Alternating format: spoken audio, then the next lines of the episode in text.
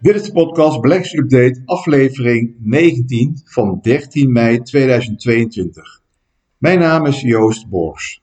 Elke week in het kort al het relevante beursnieuws, alles over beleggen en vermogensopbouw. Ook elke week een praktijkcasus. Deze week naar aanleiding van de onrust op de beurzen, de beleggersfouten. De week begon weer zwak, net als het slot verleden week.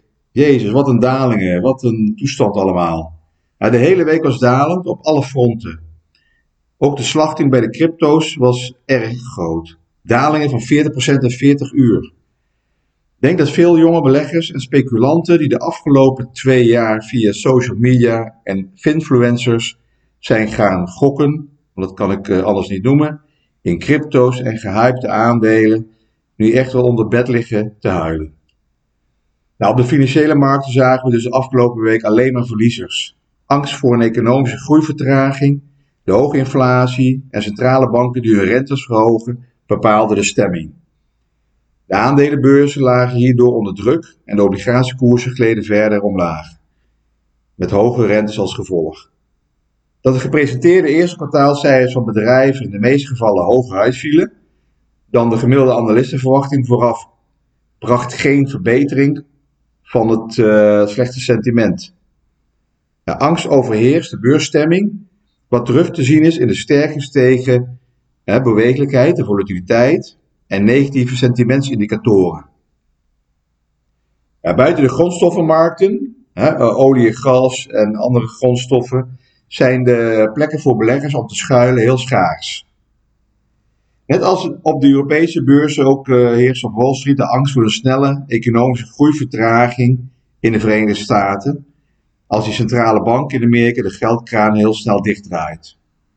De beter dan verwachten voor het arbeidsmarktcijfers verleden week maakte dan ook weinig indruk op beleggers. Met al deze dalingen en al deze hectiek, dan denk je van oké, de centrale bank is uh, net begonnen met het verhogen van de rente. Wat gebeurt er nu als uh, nog drie keer de rente verhoogt? Hoe uh, angstig wordt de beurs dan? En ook de huizenmarkt. In Amerika zie je dat de hypotheekrente al uh, fors gestegen is en dat daar de afzwakking op de huizenmarkt al zich begint af te tekenen. Ja, ook die obligatierentes, hè, die gingen over omhoog en de obligatiekoersen die dalen. Beleggers kiezen niet massaal voor veilige obligaties, we blijven gewoon even op kasgeld zitten. Dus uit aandelen, uit obligaties, uit crypto's en zelf goud doet niks, daalt een beetje. Het vrijgekomen vermogen gaat naar kas en ook wel ter aflossing van geleend geld wat ze geleend hebben voor beleggingen. En zeker in Amerika wordt er vaak op basis van aandelen als onderpand met geleend geld belegd. Dat is eigenlijk daar heel uh, normaal, met een hefboom dus. Bij koersdalingen dien je dan onderpand aan te vullen of beleggingen te verkopen om leningen af te lossen. Het woord margin of borgsom is nu een veel gebruikt en gezocht woord in Amerika. Bij tekorten werd je voorheen gebeld door je bank met het verzoek om binnen 48 uur bij te storten. Dit staat bekend als een margin call. Tegenwoordig krijg je een mail of waarschuwingen in je app. Maar op social media zijn de grapjes over margin calls weer populair. Telefoongesprek niet opnemen als Mr. Margin in je scherm uh, komt en je belt. Schuilen heeft geen zin hoor. Als je niet reageert mag de bank na een aantal dagen zelfstandig posities liquideren. Dus je ontkomt er gewoon niet aan. Zelfs beleggers met een neutraal profiel, 50% aandelen, 50% obligaties, netjes belegd via Passieve indextrekkers staan vandaag de dag op een rendement van min 11%. De hogere rente zorgt niet alleen voor stevige koersverliezen voor obligaties, maar ook voor sterk gedaalde aandelenwaarderingen. Sinds het begin van het jaar staan Europese obligaties ruim 10% in de min. De aandelenwaardering is sinds het begin van het jaar gedaald met ruim 15%. Dus van een koers-winstverhouding van ruim 19 zijn we nu rond de 15 terechtgekomen. En in vergelijking met een jaar geleden staan de waarderingen zelfs bijna 25% lager. Daarbij is de pijn in de aandelenmarkt niet gelijk verdeeld. Vooral groeiaandelen moeten het ontgelden door de bovengemiddelde gevoeligheid voor hoge rentes. Dit betekent dat beleggers de prijsaanpassing aan een omgeving met hoge inflatie en hoge rentes voor een groot deel hebben verwerkt. In hoeverre de, de, pijn volledig is ingeprijsd in deze koersen, ja, is uiteraard de vraag en wordt in grote mate bepaald of er nog een recessie volgt. Hoe diep die wordt en hoe uh, lang die gaat duren. En hoe gaan die centrale banken erop reageren. Mocht een recessie zich voltrekken, een recessie, theoretisch wat daarmee bedoeld, twee op één volgende kwartalen met een negatieve economische groei. Ja, dan bieden obligaties in, in een gespreide portefeuille door de ondertussen sterk opgelopen rentes inmiddels wel ook wel weer ruimte voor uh, demping. Er zijn ook heel veel beursgoeroes die waarschuwen voor een crash. Waar we wel in zitten is misschien in een bear market. Dit is indien een index met meer dan 20% gedaald is vanaf een hoogtepunt. Het is een technische term verzonnen door de financiële wereld en zegt verder inhoudelijk niks. Je kan wel een verschil aangeven tussen een plotselinge crash van één of twee dagen, hè, dat de beurs gewoon in twee dagen tijd min 30% staat, en uh, een langdurige bear market.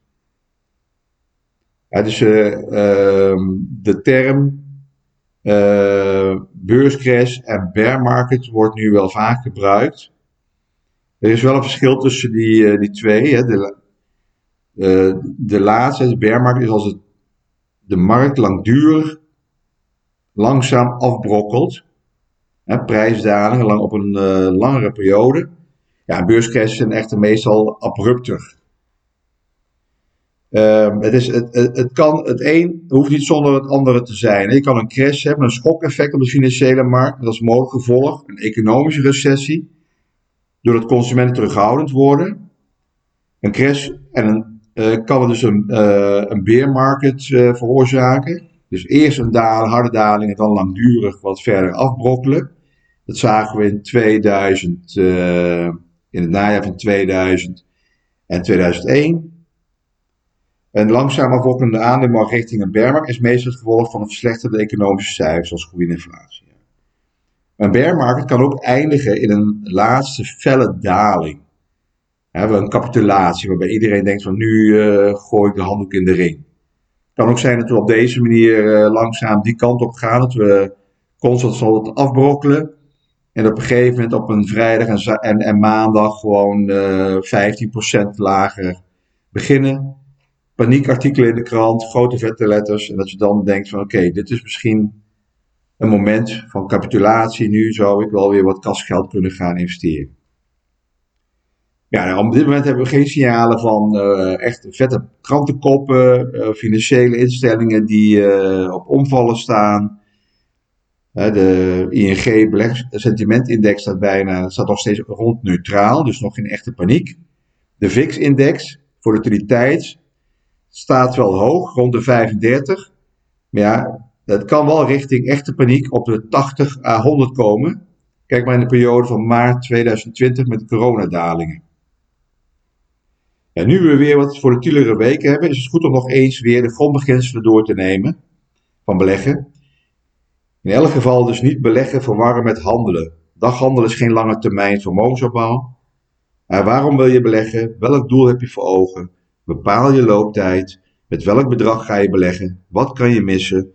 Welke emoties komen erbij kijken? Ofwel, welke risicoacceptatie past bij jou?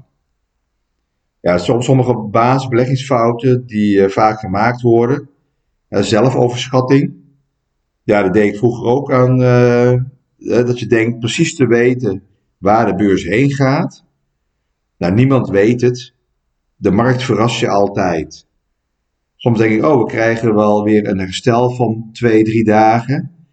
En hebben we een uh, ochtend een herstel en daarna zakken we weer verder uh, door. Dus de markt die bepaalt zijn eigen uh, koers en er, zijn, er is niemand die het echt exact weet. Koop niet alleen maar gehypte aandelen, dus niet achter een onbekend aandeel aanrennen omdat er allemaal leuke verhalen over gaan. Dus het kopiëren van een influencer of een YouTuber die laat zien hoeveel materiële zaken hij heeft verdiend via de beurs. Het is ook vaak gewoon fake. Het hebben van geen plan of doel is ook vaak een verkeerd begin. En waarom ga je beleggen? Wat wil je ermee bereiken? Wat zijn je verwachtingen? Dat moet je allemaal eerst van tevoren ook uh, goed uh, in oogschouw nemen. Het verkopen bij de allereerste daling en dan niet meer durven in te stappen. Dat komt ook heel vaak uh, voor. Of dat je dan meteen bij de eerste daling denkt van, oh, ik gooi mijn goed bedacht profiel, hè, samenstelling overboord en ik ga heel erg defensief zitten. Dan, ja, dan ga je uiteindelijk je doel ook niet bereiken. Beleggen met geleend geld of met een hefboom. Het proberen te timen van de markt. Dus elke keer denken van, nou, ik weet wel eh, waar die beurs heen gaat, dus ik ga daarop uh, op uh, anticiperen. Het eenzijdig beleggen is ook een veelgemaakte fout. Alles uitsluitend in technologie, alles uitsluitend in healthcare, biotechnologie. Bespreiden, hoe saai het ook klinkt, diversificatie van de portefeuille Daarmee ga je het op lange termijn mee redden. Verspreiding is zowel over de verschillende beleggingscategorieën, dus aandelen, obligaties, alternatieven, vastgoed, regionale spreiding, dus niet alleen uh, de AX. En als je een individuele portefeuille met individuele regels en aandelen opbouwt, denk ook aan verschillende sectoren. Maar maak beleggen daarna niet gecompliceerd door allerlei ingewikkelde instrumenten te kopen dit leidt allemaal af. Ik heb het verleden vaak uitgelegd dat je met uh, gewoon simpele indextrekkers, oftewel ETF's, heel gemakkelijk een goed gespreide portefeuille kan opbouwen. Eenvoudig, transparant, goede spreiding, veel keuze, makkelijk verhandelbaar, periodiek kunnen bijkopen en lage kosten. Nou ja, nu even de uh, ja, analisten en strategen van financiële instellingen, die schrijven allemaal rapporten, geven hun visie over de beurs. Voor de lange termijn hebben ze een bepaald uh, overzicht. Maar ja, het wordt niet vaak uh, bijgesteld, hè, die vooruitzichten. Die beginnen ze in november, december van het einde van het jaar mee, vooruitzicht 2022. Die worden uh, niet echt aangepast. Dus dat misschien in, het, in de zomer of najaar komen ze met een update. Dus maak je geen zorgen, ze hebben het ook niet altijd goed en zo ook niet altijd gelijk. Ik heb een keer ook gezegd, die, het, het voorbeeld, die strateeg Gazzarelli in Amerika, Helene, vrouwelijke strateeg, die had in 1987 de beurscrash goed uh, voorspeld en aangegeven, of uh, ze zag het uitkomen. En dit had ze vooraf ook via de nieuwszenders aangekondigd. Nou, als je op televisie in Amerika een paar weken voor zo'n beursdaling dit een aantal keren meldt, ja, dan ben je natuurlijk een superster als het uitkomt. Ze werd erg populair, kreeg veel media-aandacht. Ja, daarna heeft ze er zo vaak naast gezeten. En toen is ze echt wel helemaal uit het beeld verdwenen en de luwte gaan opereren. Ja, ze is, behoort nog wel uh, tot uh, de Blackstratege, tot wel de, tot de top. Maar heeft nu uh, gewoon een eigen researchbureau en opereert in alle stilte. Om de beurstrend niet te missen, blijven vermogensbeheerders bij financiële instellingen, portefeuillemanagers toch vaak met een portefeuille samenstelling in de buurt van zo'n index. En zodoende krijgen ze niet te veel problemen met teleurgestelde klanten. Ze kunnen altijd zeggen dat de beurs uh, met zoveel procent is gedaald of gestegen. En uh, de portefeuille eigenlijk ook precies hetzelfde percentage of net iets daaronder of net iets daarboven zit. Maar altijd wel voor kosten. Dus na kosten zit je er gewoon weer onder. Ja, dat worden ook wel die indexknuffelaars genoemd. Ze nemen geen duidelijke visie. Ze blijven gewoon die index volgen. Dat is eigenlijk ja, ook het meest veilige. Daarom zeg ik steeds, zorg voor lange termijn doelstelling en bouw een op met indextrekkers. Het is net zo goed tegen veel lage kosten. Hoe staat het nu met uh, Katie Wood? Ik heb haar ook een paar keer de revue laten passeren de afgelopen maanden, volgens mij vorig jaar in eh, juli. Zij was de Star Performance Manager van beleggingsfonds ARK, ARKK, uitgeroepen tot beste portefeuille manager in 2020, eh, 2021. Haar beleggingsfonds staat nu op min 65% vanaf het hoogtepunt in juni vorig jaar. Ja, dit jaar staat ze van januari tot en met uh, gisteren rond de min 55 procent. Het beleggingsfonds was heel erg groot, zo'n 15 miljard. Nu staat er rond de 10 miljard vermogen wat erin zit. Ja, het kan ook niet anders met aandelen bijna allemaal uit de nieuwe economie, nieuwe technologie, disruptieve bedrijven zoals Tesla, Roku, Teladoc, Square, Spotify, Etsy, Zoom en ook eh, Coinbase. Van deze laatste heeft ze weer wat eh, bijgekocht. Dit zijn allemaal bedrijven dus in die nieuwe economie, disruptieve strategieën. En het waren hele snelle groeiers met gewoon veel te hoge koers-winstverhoudingen of koers-omzetverhoudingen.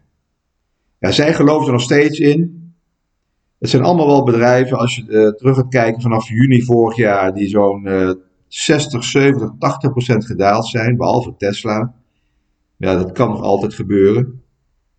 Kijk maar naar zo'n Netflix, ook min 60, 70 procent. PayPal, ook zo'n uh, winnaar van het jaar ervoor. Dus eigenlijk de Amerikaanse Atien, zet ook gewoon min 70 procent.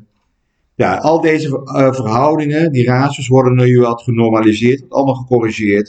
Het is allemaal veel te snel gestegen. En uh, Katie, Katie Wood blijft gewoon nog volhouden. Nou, houden jullie het ook nog vol in deze beurzen? Ja, dank voor het luisteren. Alles op persoonlijke titel, geen direct advies. En op basis van openbare informatie. Tot de volgende week.